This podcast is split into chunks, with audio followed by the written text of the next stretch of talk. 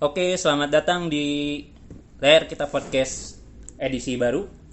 Jadi untuk podcast sekarang kita bakal bahas tema yang berbeda mungkin kalau misalkan dibanding sama yang sebelum-sebelumnya ya Bang ya. Iya. Soalnya kalau misalkan yang kemarin-kemarin itu kita hampir semua kalau nggak salah semuanya Semuanya. semuanya kita ngebahas film kalau misalkan podcast podcast kemarin jadi mungkin untuk podcast yang hari ini berbeda dan juga buat sekarang jadi ini di podcast layar kita ada saya saya Akbar dan untuk hari ini jadi kita bakal bahas buku kita bakal bahas buku karena memang layar kita sendiri sebenarnya Visi misinya begitu. visi misinya kayak Nah, gitu kan Kalau misalnya lihat apa eh, apa sih moto apa di IG atau di Hmm. Facebook kan kita memang merayakan kemanusiaan Merayakan melalui kemanusiaan. film, musik dan buku. oke Cuman karena mungkin depannya kata film, terus kedua eh, logo layar kitanya berhubungan dengan film, jadi ke sana. Tapi sebenarnya enggak. Mhm. Jadi eh, dulu ya sekitar sampai tahun 2017-an tuh kita rutin ngadain diskusi buku secara besar-besaran di Unpad. oke Dan juga pernah juga di GIM, Hmm. di Loci Hapit, di mana-mana pernah gitu. Jadi itu salah satunya. Terus juga pembahasan tentang musik juga pernah.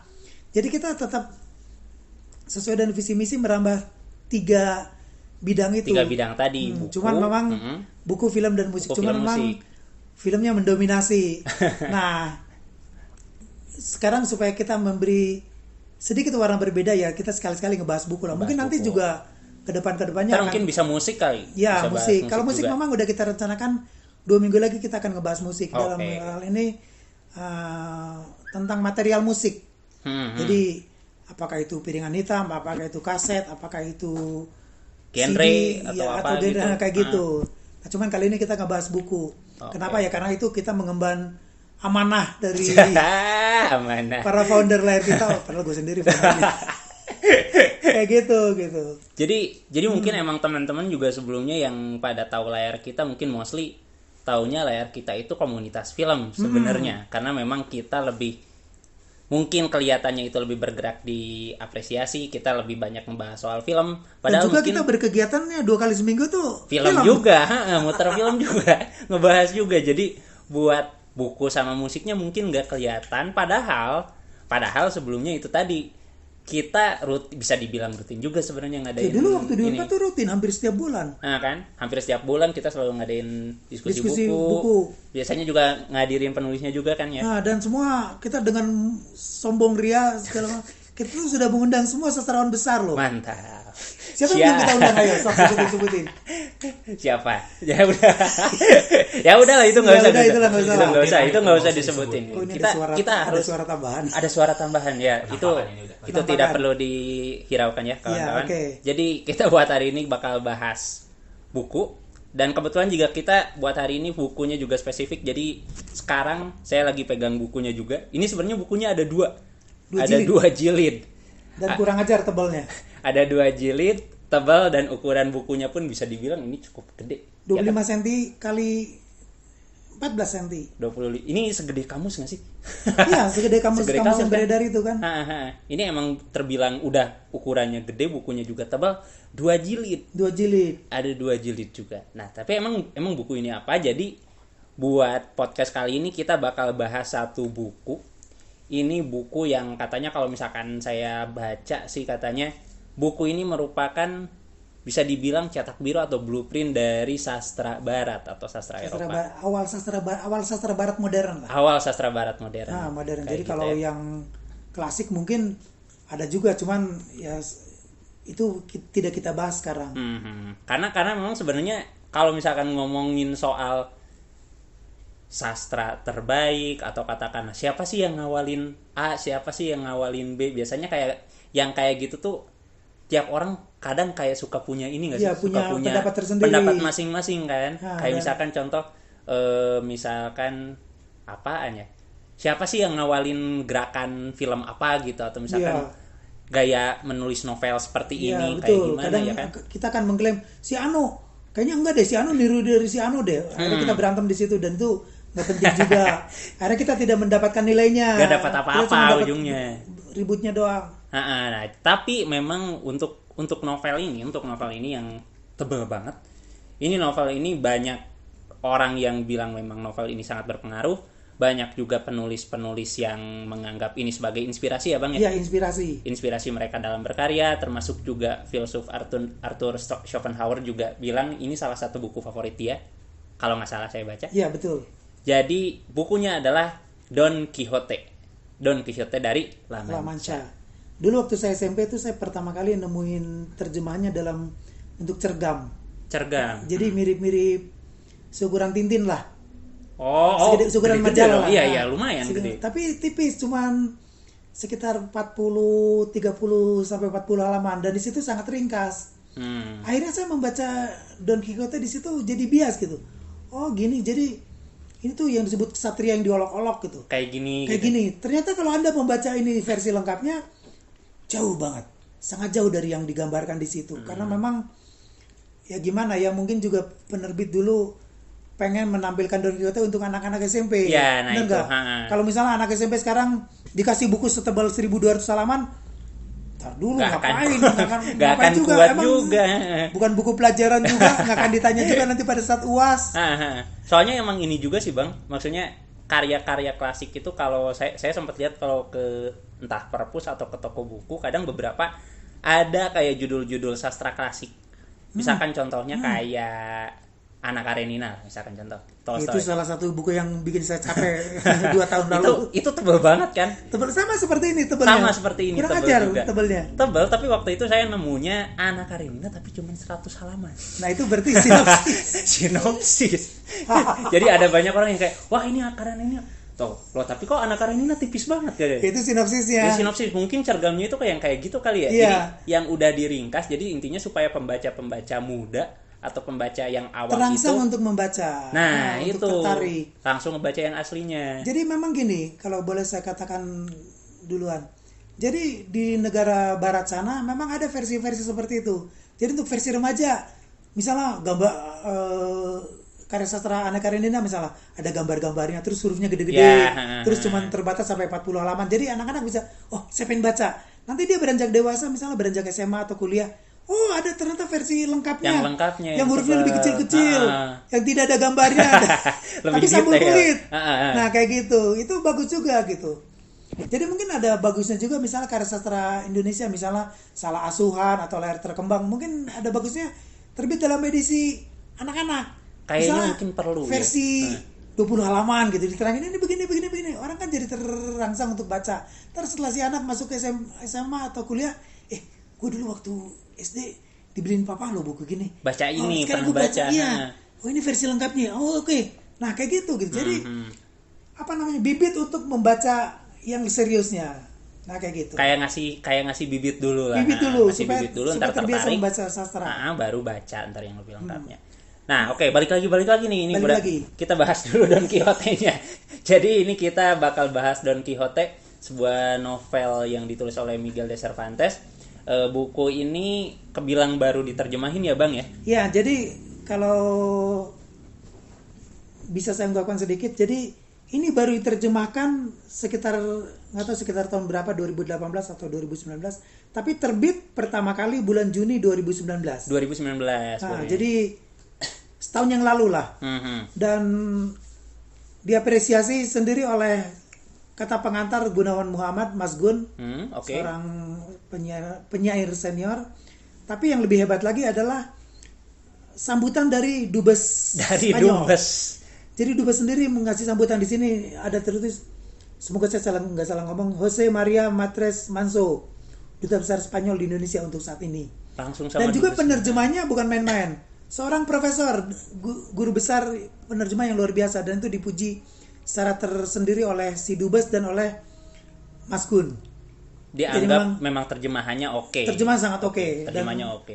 Nah, dan itu. Nah, di sini sampai dikatakan bahwa penerjemah yaitu Ibu Absanti Joko Suyatno adalah pensiunan guru besar FIBUI bla bla bla bla bla bla. Hmm, hmm, hmm. Cuman satu aja kekurangan dari buku ini saya sebutkan. Banyak tipe. Oh iya.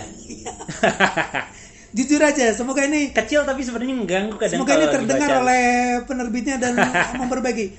Saya kalau saya boleh katakan hampir setiap halaman tipe-tipe melulu. Jadi misalnya menerima e nya nggak ada menerima. Oh, terus iya, misalnya iya, iya. pura-pura tidak ada garis penyambung. Pura-pura ngegabung Nah, gitu pura- kan. itu kan ngeganggu mengganggu. iya ngeganggu kalau dan misalkan itu sangat banyak gitu. Semoga kritikan saya ini nyampe ke penerbit dan penerbit ntar cetakan ulangnya bisa diperbaiki, Bisa diperbaiki. lagi gitu. Jadi itu ya penerbit Ah. ya. Siapa nih yang nerbitin? Ini. Yang nerbitin Obor. Yayasan Pustaka Obor Indonesia. Jadi eh, kalau misalkan kita lihat tadi udah sempat disebutin juga emang ini buku tebal, ada dua jilid. Tapi memang di garapnya pun nggak main-main. Nggak Maksudnya main-main. langsung diterjemahkan sama profesor yang memberi kata sambutan nggak cuma budayawan tapi bahkan sampai dubesnya juga Dubes. langsung. dan langsung juga disokong oleh Repsol dan kedutaan kedutaan Spanyol. Jadi memang tidak main-main untuk menerbitkan buku ini. Kenapa? Sorry, kita harus ngomong panjang lebar tentang yang lain. Jadi kita harus akui seperti saya dulu waktu launching bukunya Peter Carey Kuasa Ramalan, Hmm, buku seperti buku seperti ini dijamin tidak laku. Dijamin tidak laku. Dijamin tidak laku. Jadi gimana caranya supaya sampai ke penerbit eh supaya sampai ke pembaca yang harus disokong oleh berbagai perusahaan. Hmm. Biaya biaya cetak lah, bi- biaya penerjemah lah, biaya distribusi segala macam Eh, gitu. biar biar proyek penerbitannya Iya, jalan betul, kayak justru gitu. Sekarang gini, buku ini biasa dicetak tuh sekarang rata-rata 3000 eksemplar. hmm, Penduduk Indonesia berapa? 270 200 juta. Heeh. Ya banyak lah pokoknya Ya dibagi dibagi 30 ribu dibagi, dibagi 3000 eksemplar artinya apa? Satu buku ini hanya dinikmati oleh 90 ribu orang. Jadi dari 90 ribu orang penduduk Indonesia hanya memiliki satu ini. Betapa tidak idealnya. idealnya adalah satu Jomplang buku. banget bandingnya. Jomplang banget. Idealnya adalah satu buku untuk 300 orang idealnya.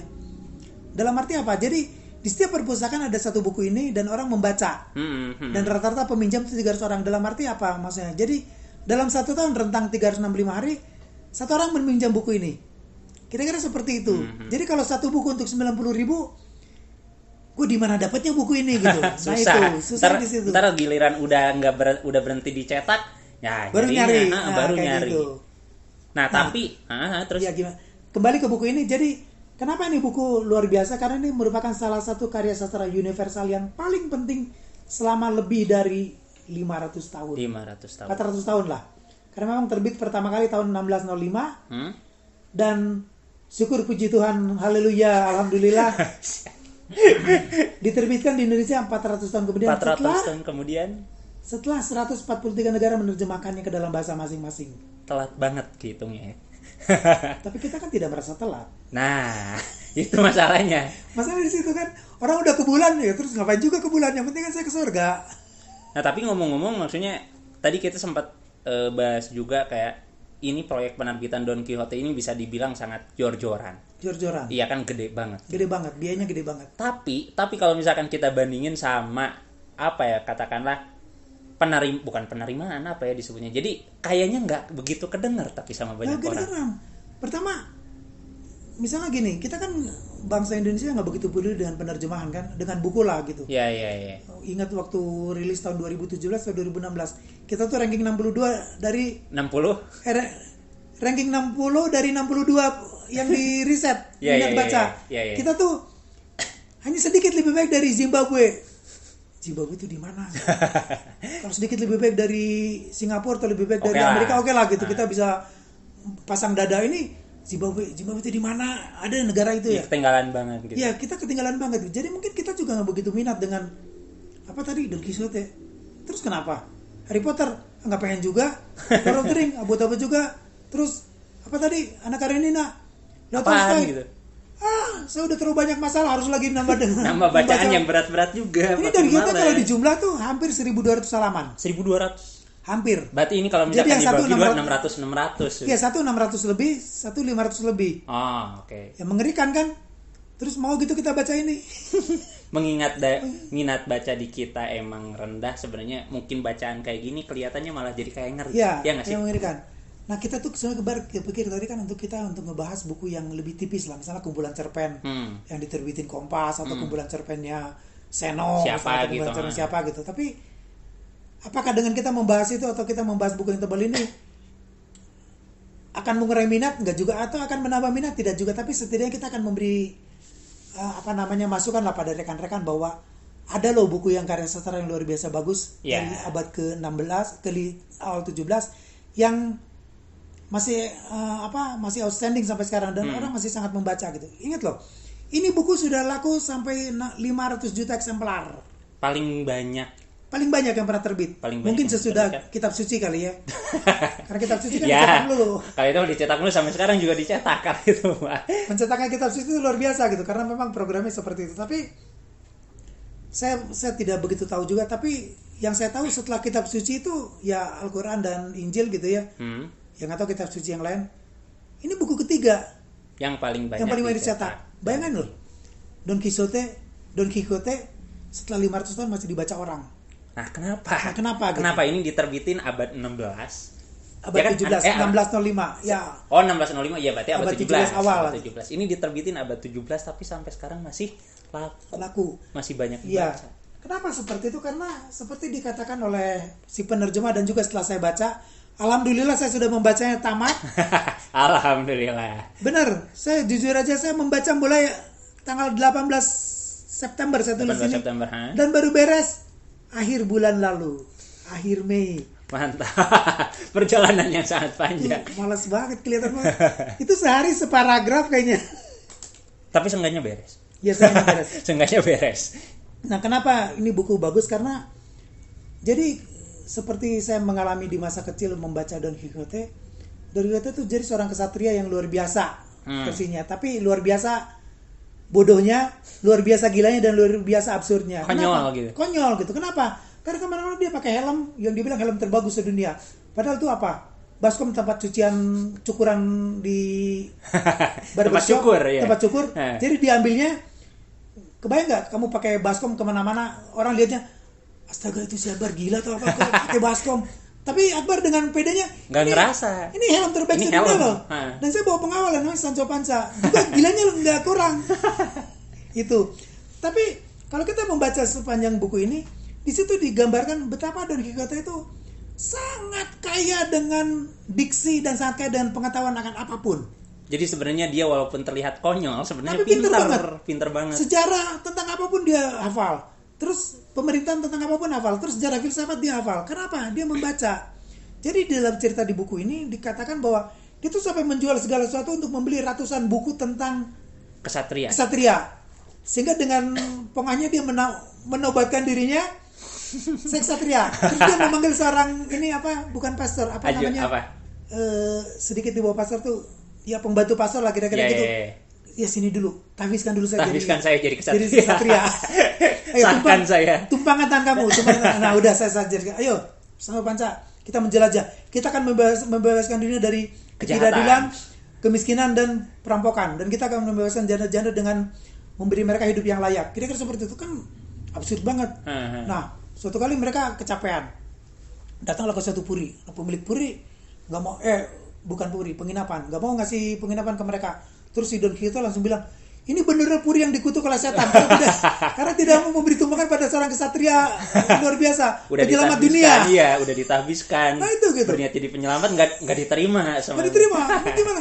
Padahal saya bawa pengawal loh. Nah itu. Itu ke satu. Terus kedua ketika dia ngobrol dengan siapa pun dia bisa bercerita dengan sangat fasih tentang sejarah dan itu luar biasa. Itu keren banget. Nah tentunya kita pun akan bingung dengan data itu. Mungkin kita akan lihat kok bisa sih dia tahu sejarah itu? Saya ingat loh kenapa salah salah satu alasan kenapa saya mau lambat membaca ini? Karena saya harus membuka beberapa kamus. Biar dapat. Biar dapat ternyata apa yang diomongin si Don Quixote tentang toko, tentang tahun, tentang tempat. Itu bener, oh. Itu bener ada gitu. Jadi setelah misalnya setelah tahun 65 tuh ada kejadian misalnya tahun 74, ada kejadian tahun 98 itu bener.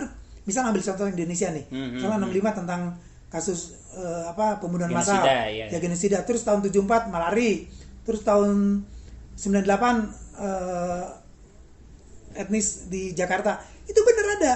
Nah, Don Quixote tuh berbicara tentang itu di seluruh dunia dengan data-data yang sangat spesifik dan sangat akurat. berarti kalau gitu sebenarnya ini bisa dibilang historical fiction juga Iya. dong, kalau gitu kan soalnya ada ada data-data sejarah dan akurat Akurat. Akhirnya saya memuji siapa? Miguel de Cervantes memang luar biasa.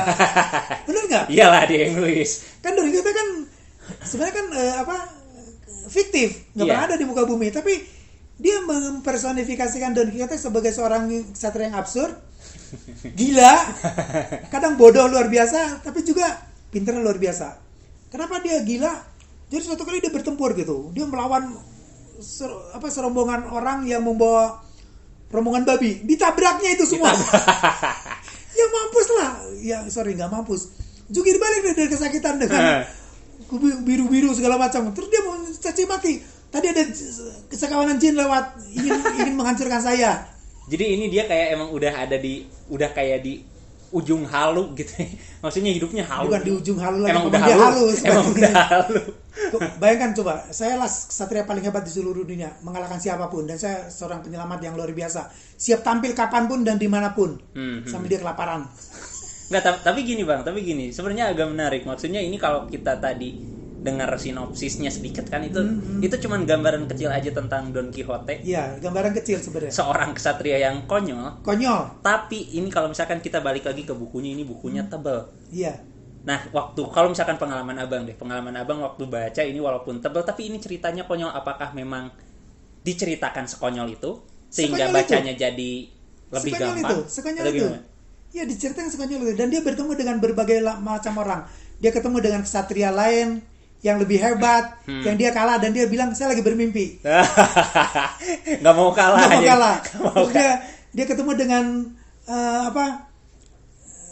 Bahasa sekarang cewek gebetannya gitu. Oh, iya, dan gebetan, dia, gebetan. iya, dan dia menyebut suatu kali dia ketemu dengan cewek gebetannya udah nggak cantik seperti gadis petani. Dia bilang inilah karena pengaruh sihir. Sihir yang dilakukan oleh orang-orang yang membenci saya karena tidak suka dengan pertolongan yang saya lakukan ke berbagai penjuru dunia. Padahal dia- Disihir jadi kayak gini. Iya, padahal dia, dia tuh kan judulnya kan dari dari, dari Dari Laman La Mancha itu kan salah satu provinsi salah satu tempat di suatu provinsi di Spanyol. di Spanyol kan. Itu nggak jauh-jauh dari situ sebenarnya, tapi dia memposisikan bahwa dia tuh seperti udah Udah ke Samudra Pasifik, udah jauh, udah ke ke mana-mana. Afrika, udah ke semana-mana gitu. Jadi memang benar-benar halu.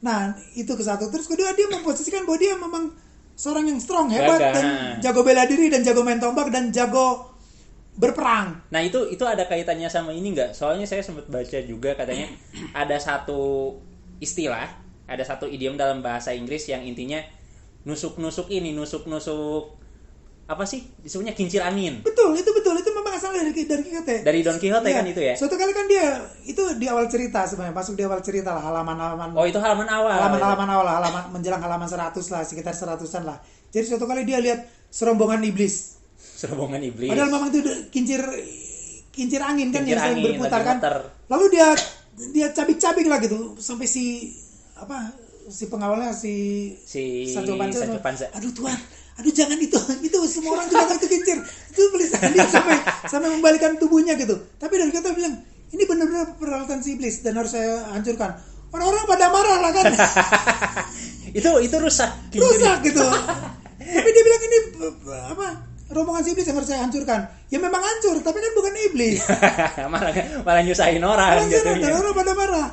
Tapi itu itu itu hal lain. Hal lain lagi, siapa pun yang pertama kali melihat Don Quixote pasti akan lihat ini seperti apa ya?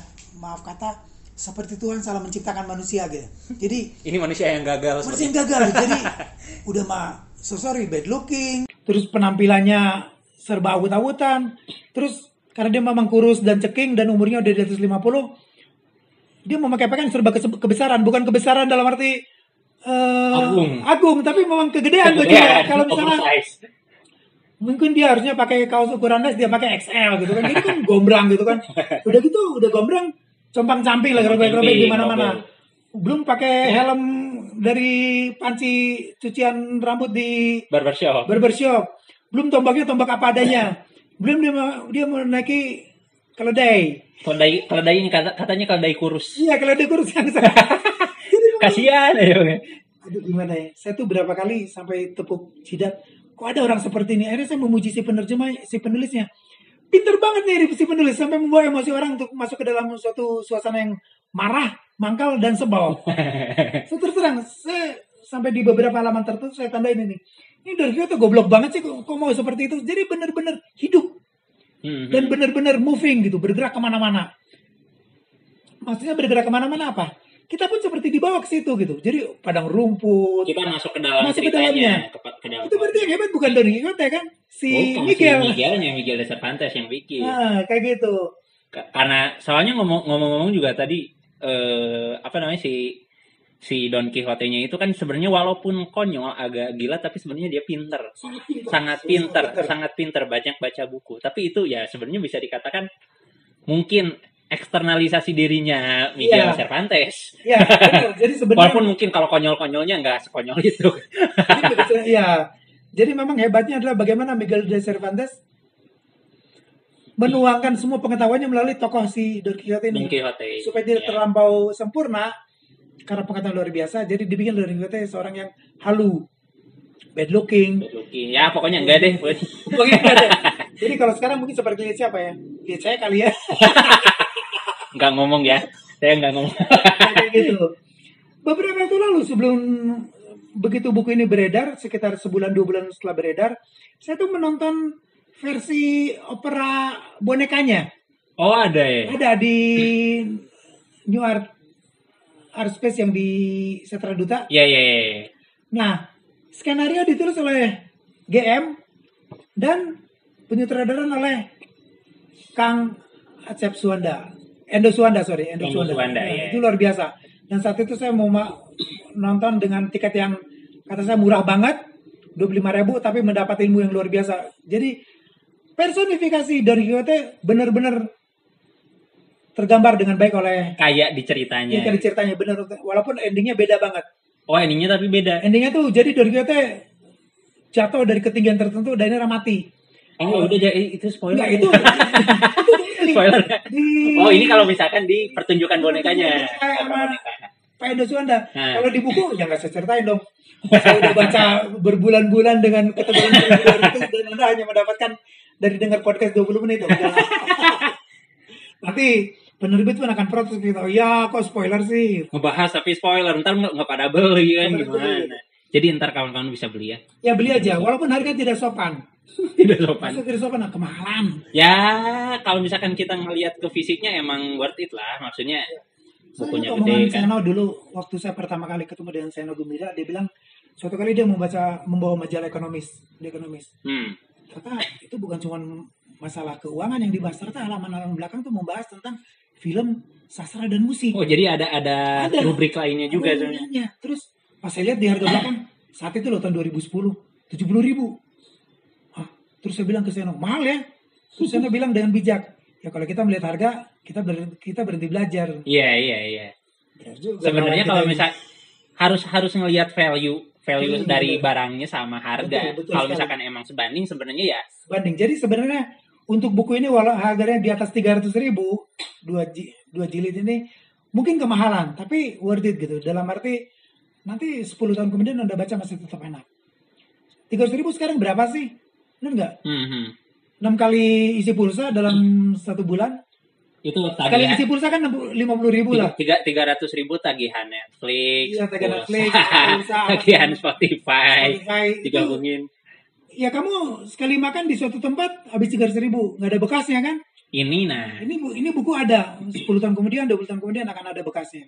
Saya selalu ingat dulu buku pertama kali buku karya sastra pertama yang saya baca zaman SMP itu Tom Sawyer terbitan Balai Pusaka warna biru Tom Sawyer Mark Twain. Eh, Tom Sawyer tuh Huckleberry Finn- ya Mark Twain Mark Twain kan? sampai Iya. sekarang saya tidak pernah menyesali bahwa itu buku pernah saya baca di awal-awal saya mulai mengenal sastra itu sampai sekarang saya masih mau baca gitu loh Pembukaan yang sangat Pembukaan yang sangat- Oke. nikmat. Jadi worth it lah. Jadi jangan lihat harga. Kadang kita suka lihat harga, aduh mahal ya. Sementara kalau anda beli pulsa no problem. Beli Nah. handphone jutaan no problem. Beli sepatu 800 ribu No problem juga, tapi buat beli buku. yang 200 ribu, wah, Beli buku nah. belumnya ngetruknya luar biasa. Udah gitu, pengennya fotokopian. kalau enggak, ya ada PDF-nya, Ada PDF-nya. punya linknya. Ya. Jangan dong, kasihan si penerbitnya, terus kasihan juga penerjemahnya, kasihan juga pengarangnya. ya jangan gitu jangan dibiasain lah Jangan jangan biasain dibiasain ngomong-ngomong juga emang sekarang kalau nggak salah lagi agak rame juga ya bang ya soal pembajakan Iya, buku pembajakan. soal nyebar-nyebar PDF buku Ya, saya pikir itu enggak lah. Ya kalau kita memang pengen belajar harus keluar duit gitu. Ya kalau nggak mau keluar duit, ya ya nggak bisa belajar gitu. Buat sesuatu memang ada yang harus dibayar. Dibayar, sebenarnya. dan nggak murah gitu loh. Mereka juga mengarang buku ini jungkir balik. Jadi nggak misalnya bangun tidur langsung ngetik 10 Langsung halaman. ngetik 10 halaman, Udah nggak perlu mikir, nggak perlu mi- nggak perlu ntar gua mau makan apa gitu. Mereka pun perlu makan, mereka pun perlu segala macam dan untuk itu mereka perlu nulis jungkir balik. Nah, Seperti Kang Jaki cerita bermalam-malam dia nggak tidur hanya untuk menemukan satu kalimat pembuka untuk novelnya gitu. Satu kalimat pembuka lah bukan satu, paragraf. Bukan satu paragraf, cuma satu kalimat. Selama itu kan dia perlu makan, perlu bayar listrik, perlu bayar segala lain-lainnya. Terus kita dengan entengnya, eh minta dong bukunya. Ada PDF nya. Aduh jangan teman lah, teman lah, ayolah. Ya, jangan kopi. deh. Sama-sama kita perlu makan kan. Jadi di samping itu marilah kita hargai para penulis. Enggak banget lah ya pembajakan ya. Enggak, saya sangat tidak setuju. Apa pun alasannya. Apa pun alasannya. Walaupun mengatakan ini supaya ilmu lebih tersebar. Ya lu pengen ilmu lebih tersebar tapi pengarangnya nggak lu kasih makan ya mau nyebarin gimana? Dia mau berkarya gimana? Benar nggak? Saya ingat perkataan teman. Untuk berpikir logis yang baik diperlukan logistik yang baik. Nah itu itu tolong dicatat. Untuk berpikir logis perlu logistik yang baik. Tapi emang bener kayak gitu sih. Logistik dari mana? Iya iya benar. Maksudnya maksudnya kayak kalau misalkan kita ini saya jadi keingatan ini apa namanya kalau misalkan logis berpikir logis perlu logistik kayak kenapa kalau misalkan ini kita ngomonginnya barat ya kita Iya. ngomonginnya sejarah barat katakanlah kenapa filsuf-filsuf munculnya di Yunani Iya. karena memang filsuf-filsuf itu orang yang gak ada kerjaan Iya, oke. maksudnya maksudnya mereka mereka bukan budak mereka nggak perlu kerja mereka tinggal santai aja karena santai itu justru mereka bisa mikir Iya. mereka nggak perlu mikirin gua mau makan apa harus bayar gimana karena mereka hidupnya udah stable Iya, betul. ya kan karena mikirnya udah eh karena hidupnya udah stable kayak gitu makanya ya nggak perlu mikir lagi jadi benar sebenarnya logis untuk berpikir logis dibutuhkan Logistik logistik yang baik. yang Nah, baik kamu mendapat, mendapatkan logistik baik dari mana? Ya, dari mengarang, dari iya menulis. iya iya Dan itu harus diapresiasi gitu loh. Orang udah jungkir balik segala macam dan kita dengan enak-enak pengen yang gratisannya. Kamu punya linknya nggak? Mau dong? Hmm. Nggak itu Nggak, etis nggak. lah. Nah, Sekarang bayangkan anda sendiri seorang penulis gitu. Mau nggak misalnya Mau tulisan, tulisan gitu? dibacakan bisa mungkin anda akan membakar saya. tapi tapi Iya. balik lagi bang balik lagi bang. Kita eh, tadi kita sempat ngomong juga walaupun dengan harga mahal ini buku membekas. Jelas Membekas, jelas pa- pasti bakal bakal membekas tapi nggak membekas karena kita beli. Buktinya sendiri ini karya udah lewat berapa abad. Sampai Iya. sekarang masih suka dijadiin referensi, Referensi, betul sekali. masih suka kalau misalkan katakanlah di film atau katakanlah di musik mungkin ada yang pernah ngambil entah itu Don Quixote Don Quixote atau si Sancho Panza atau ceritanya secara keseluruhan sebagai referensi juga kan sebenarnya ini salah satu cerita juga yang banyak di bukan dicomot disebutnya apa ya comot, sebenarnya nggak ada yang comot. Saya ingat omongannya eh, almarhum Umberto Eco. ya, ya, ya. Dia sampai berani mengklaim bahwa tidak ada satupun perkataan saya yang original atau tulisan saya original. Semua itu dapat kopas-kopas dari terinspirasi dari yang penulis apa segala macam sebelumnya. Jadi nggak ada yang original. Jadi jangan pernah anda mengatakan, oh ini original. Anda tidak tahu aja bahwa itu. bahwa itu udah pernah diomongin orang 300 tahun yang lalu, nggak tahu aja. Saya setuju dengan itu dan itu diaminkan oleh diaminkan juga oleh GM bahwa memang seperti juga saya tambahkan dikatakan oleh sutradara Tarantino tidak ada yang original, semuanya kopas. Cuman ki- kita berani mengatakan ini inspirasi saya nggak juga, pasti terinspirasi dari orang lain. tapi tapi sebenarnya kalau misalkan emang kita perlu ngomongin soal itu soal plagiarisme katakanlah ya. Hmm. soal plagiarisme tapi mungkin perlu dilihat juga ininya sih bang. Kalau kalau kata saya men- harus dilihat juga bagaimana kita cara mengemas. Maksudnya memang perlu dibedakan antara ada yang plagiat benar-benar kopas ada yang terinspirasi. Itu itu bisa dibedakan sih. Beda, beda, sangat beda. Jadi saya tiba-tiba inget ini, inget ini aja. Ada film Untouchables tahun 87 Wah, dengan ya. uh, Battleship Potemkin tahun 26. ya Nah itu kan ada adegan kereta jatuh Nah, dari tangga tuh. hmm. Jadi kalau kita nonton Untouchables, wih keren banget tuh. Ada kereta bayi jatuh dari tangga di rel kereta api. oh iya iya itu Ya. Battleship Potemkin kan Keren banget tuh. Aha. Tapi bagi yang udah nonton Battleship, nah ini kan kopas dari ini mah Battleship. udah ada Tapi kita nggak bilang itu kopas. Iya. Karena memang, oh mirip ya. Kalau kalau misalkan di film itu bisa disebutnya homage. Homage, Homage ya. kalau gitu kan. Iya, jadi memang bukan kopas. Sama seperti misalnya gaya berbicara. Iya. Misalnya Robert De Niro di film apa? Taxi Driver itu kan keren banget kan atau misalnya uh, Marlon Brando di Di Godfather. kalau misalnya berikutnya anda mau meniru itu tidak disebut ih nyontek enggak memang terinspirasi Ya, beda ya, bahasa ya. beda cerita beda makna gitu Ya oke, cukup soal plagiatnya. Cukup soal plagiatnya kita ngomongin lagi soal membekas. Jadi maksudnya inti intinya kenapa buku ini bisa masih tetap bertahan sampai Iya. sekarang? Intinya karena leksikonnya, diksi dan pengetahuan yang di, yang diungkapkan oleh Miguel melalui tokoh Don Quixote itu benar-benar originalitas. Jadi salah satu ide yang luar biasa adalah bagaimana si Don eh, sorry Miguel tuh apa namanya menyampaikan ilmunya melalui tokoh itu dan memang itu luar biasa. Dan itu salah satu pencapaian awal puncak sastra barat Hmm, hmm. 400 tahun yang lalu. Makanya kayak dijadiin disebut-sebut sebagai cetak birunya. cetak biru. Jadi itu memang luar biasa. Karena memang dari dari karya ini ke- kemudian nanti bakal muncul karya-karya hebat Karya-karya hebat lain, betul betul. Jadi kayak mungkin ya sebenarnya agak kalau saya bilang mungkin bisa disebut agak ironis, entah bisa disebut ironis atau enggak, tapi maksudnya eh, mungkin kalau misalkan kita ngomongin sastra, ya katakanlah sastra dunia ya bang ya, katakanlah Hmm. maksudnya kayak mungkin nama-nama yang lebih terkenal itu entah itu Hemingway, Anyway, entah itu Hemingway kalau misalkan dari Rusia ada Tolstoy, ada Chekhov, nah Shakespeare apalagi kalau Hmm, Shakespeare iya. itu kan banyak banget di ini kan dikutip Shakespeare Tapi tapi not to be. Nah, to be or not to be, apa Iya. tuh? Terus Romeo dan Juliet juga itu kayak bukan cerita yang asing kayaknya buat di banyak tempat gitu kan. Tapi ini Don Quixote kayaknya rasanya bisa dibilang mungkin segmented, cuman beberapa orang aja yang tahu. Cu- Bukan beberapa orang, tapi cuman segelintir lah. Ya, cuma segelintir karena memang gimana ya saya nggak bisa menjawab dengan detail tentang itu tapi kebanyakan mungkin karya sastra kita yang membanjir ke Indonesia dari barat tuh kalau tidak Inggris Amerika Hmm, hmm. kalau Eropa pun Eropa se- sekitarnya yaitu mungkin Belanda atau Itali kita kan jarang bersinggungan dengan Spanyol paling-paling dan Portugal karena itu pernah menjajah eh, Timur Timur sana Ini Maluku. Mal- ya kalau Maluku. Kalau kita kan Maluku. kita kan kebanyakan dijajah oleh Belanda, sastra Belanda atau selama enam tahun waktu zaman Raffles oleh Inggris, Inggris. Mungkin ya. di situ. Jadi kita kenal namanya sastrawan sastrawan dari Inggris atau misalnya karena di zaman Orde Lama, zaman pemerintahan Soekarno karena Soekarno saat itu berhubungan erat dengan negara-negara blok ki- blok Blok timur. Timur, ya. Jadi sastra dari sana masuk sini. Tangan, Iya. banyak diterjemahin Ada proyeknya Dostoyevsky, muncul. ada Nabokov, ada Tolstoy, ada Chekhov, Chekhov segala macam. Nah berikutnya mungkin yang lain sangat sedikit, terutama Don Quixote ini.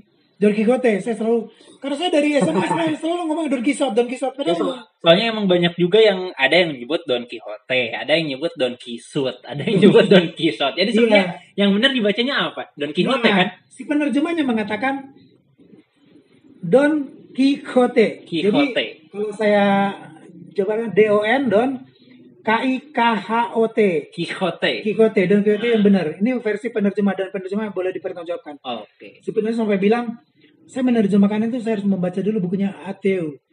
Hmm, iya iya iya. Pakar sastra Indonesia Indonesia, ya, Tio. Dia bilang membaca dan melihat karya sastra. Jadi saya tidak sembarangan menerjemahkan ini. Perlu jungkir balik yang luar biasa dan perlu waktu yang luar biasa juga untuk menerjemahkan Iya, sehingga jelas, bisa jelas. tampil ke anda dengan baik. Nah, Saya tuh membaca ini benar nggak sih? Tapi setelah saya membaca halaman-halaman berikutnya memang enak, mengalir gitu. ngalir, ngalir. Mengalir bacanya. Jadi saya ingat akan perkataannya Remi Silado beberapa waktu lalu.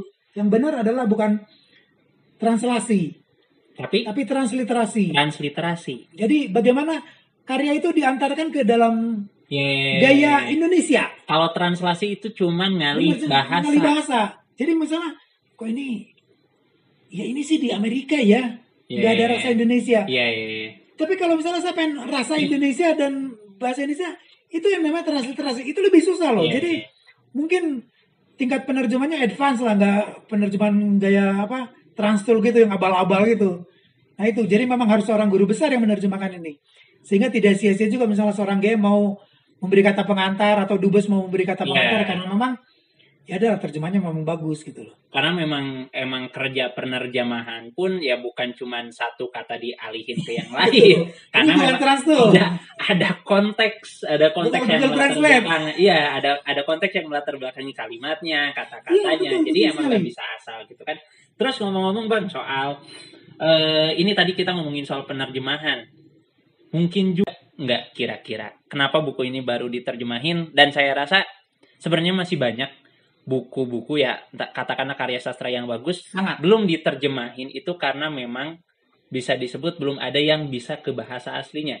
Walaupun walaupun sebenarnya ada banyak banget kayak bukan karya sastra berbahasa Inggris, katakanlah berbahasa Rusia atau berbahasa Prancis dan yang lainnya, tapi ketika diterjemahkan ke Indonesia itu ngambilnya bukan dari bahasa asli, malah ngambil dari bahasa kedua. Dan itu Betul sebenarnya itu sebenarnya kayak pasti bakal ngaruh kan? Bias. Iya, pasti bakal Iya. ngaruh, ya kan? Saya jadi ingat buku yang di belakang saya ini, Winnetou. Nah, Nah, jadi katanya dulu-dulu yang diterbitkan oleh Pradnya Paramita itu bukan terjemahan asli dari bahasa Jerman, tapi dari bahasa Belanda.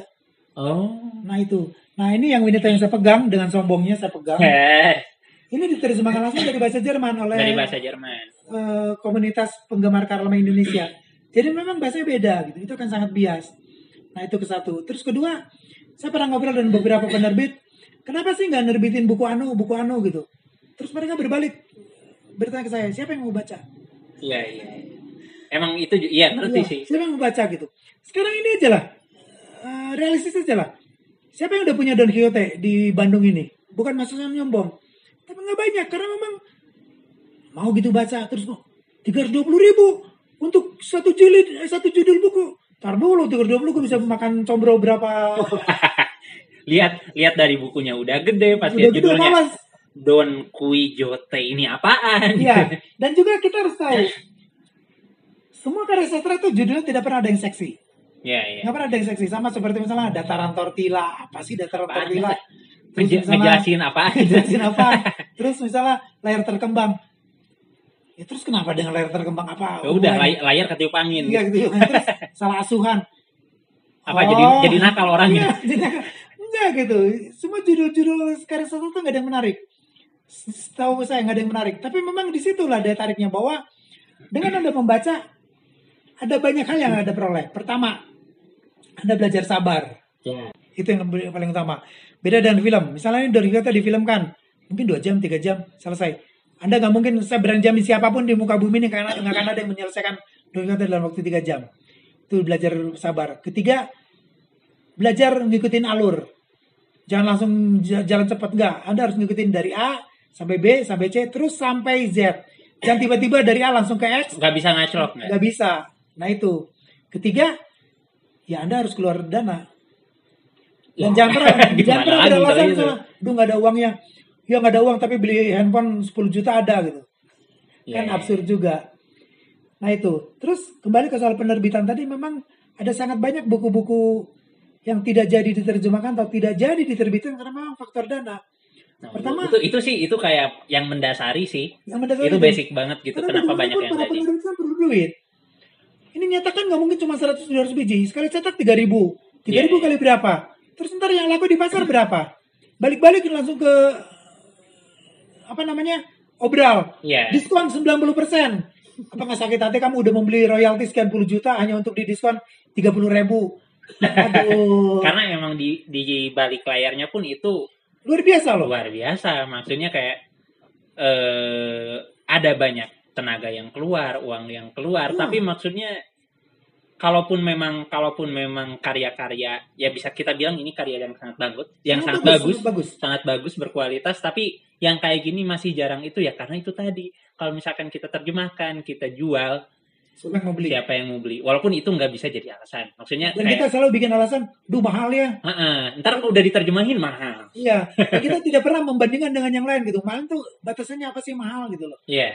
Kamu beli sepatu 800 ribu nggak merasa mahal. Beli handphone 10 juta nggak merasa mahal. Tapi beli buku 100 ribu, aduh mahal banget.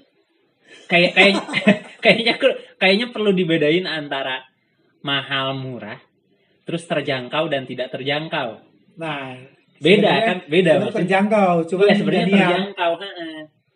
kayak gitu kan jadi ah itu masuk kalau soal, soal harga ya gitulah tapi intinya buku ini sangat kita rekomendasikan ya Ini bang sangat ya kita rekomendasikan. ini sangat kita Jadi- rekomendasikan buat dibeli Ambil contoh gini lah, praktisnya lah.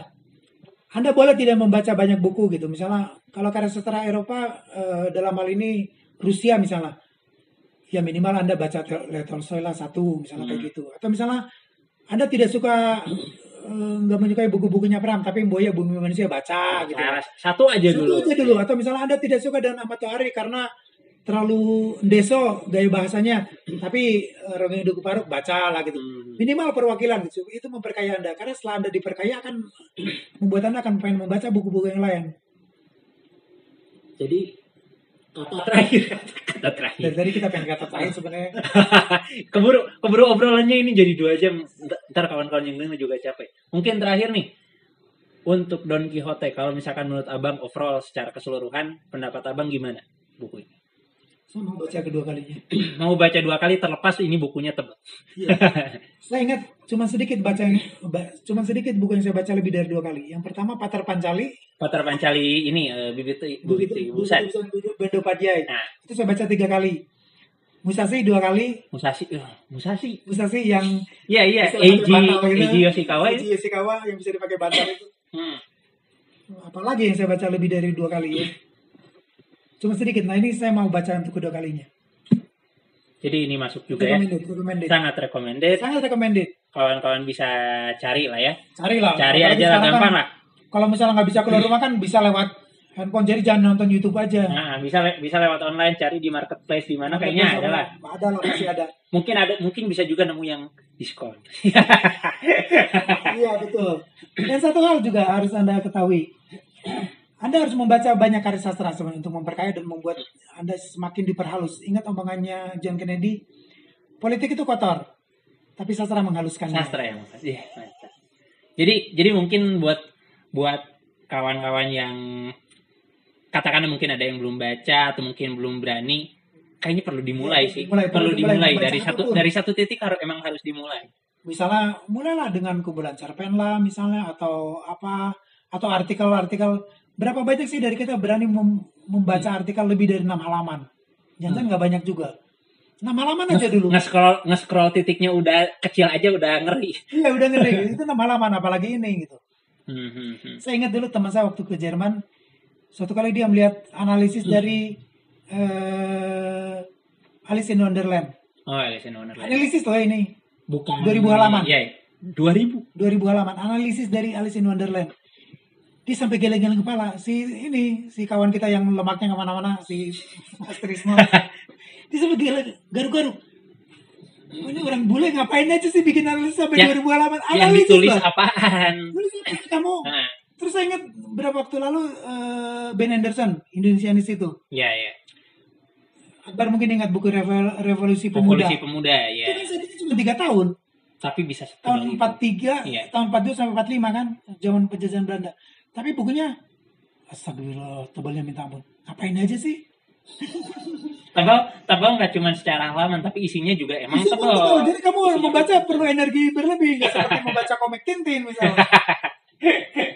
Jadi intinya oke. Oke. Don Quixote ini sangat direkomendasikan. Sangat direkomendasikan. Silakan kawan-kawan bisa carilah, entah itu langsung kita nggak ngerekomendasiin beli langsung ke toko karena sekarang juga masih belum boleh ini juga kan masih pada tutup juga lebih baik juga Covid nih. Nah, kawan-kawan tetap melakukan physical distancing, jaga diri, jaga Iya. kesehatan, tetap cuci tangan. Bukunya bisa dicari di ya di online pasti nemu lah. Carilah Don Quixote di pembulan penjilan dan segala macam ada. Pasti ntar ada. Oke. yang lebih jarang pun ada kok sekarang apalagi buku yang lebih baru ini. Ini baru setahun beredar. Ini baru sekitar satu tahun, jadi harusnya sih nggak susah nyari. Nggak susah. Harusnya nggak susah nyari. Gitu paling. Oke, jadi kita kayaknya tutup aja bang, udah kelamaan nih. Udah kelamaan orang-orang juga ngapain gitu. ngomongin satu buku. si satu orang Don Quixote dan Don Quixote doang, tapi karena memang ini bukunya menarik banget Menarik sih, banget. menarik banget, jadi agak panjang juga. Buat lanjutnya kawan-kawan bisa langsung baca sendiri, silakan cari, silakan beli. Mumpung lagi kayak gini juga, mumpung lagi physical dis- distancing, mungkin punya waktu lebih banyak buat baca, ya kan? Iya. Bisa punya wak- waktu lebih banyak buat baca, jadi sangat direkomendasikan. Dan oke, mungkin untuk podcast kali ini kita tutup aja sebelum Bang Tobi ngomongnya makin ke mana-mana. siapa tahu Anda keberatan ternyata ah menurut saya itu buku jelek segala macam nggak apa-apa. Silakan tulis di Silakan. Email ke layar kita atau ke IG, DM ke layar kita nggak apa-apa. Kita akan terima dan akan kita respons kalimat-kalimat seperti itu. Yang keberatan, yang mencaci maki akan kita respons. Dengan email. baik. Ini saya keluar uang 300 ribu. Hanya untuk buku yang tidak jelas ini. Nggak jelas. silakan, silakan. Jual balik ke kami akan kami keterima deh. gitu Ok. Jadi Oke. eh, mungkin cukup sekian sampai jumpa di podcast selanjutnya mungkin di podcast selanjutnya kita Tentang juga bakal tentang musik ada buku juga nanti juga mungkin bakal bakal ada lagi. Jadi kawan-kawan bisa tentang film akan ada. tentang film jelas bakal ada. Jadi kawan-kawan stay tune aja. Eh, ikutin medsos kita. Sebenarnya medsos kita mau di Facebook mau di Twitter di Instagram semuanya layar kita. Jadi ya harusnya sama kawan-kawan nggak susah dicari lah. Kayak gitu ya. Oke terima kasih. Wabillahi taufik wal hidayah. Wassalamualaikum warahmatullahi wabarakatuh dan selamat sore. Eh kok selamat sore? Pokoknya ya jaga kesehatan teman-teman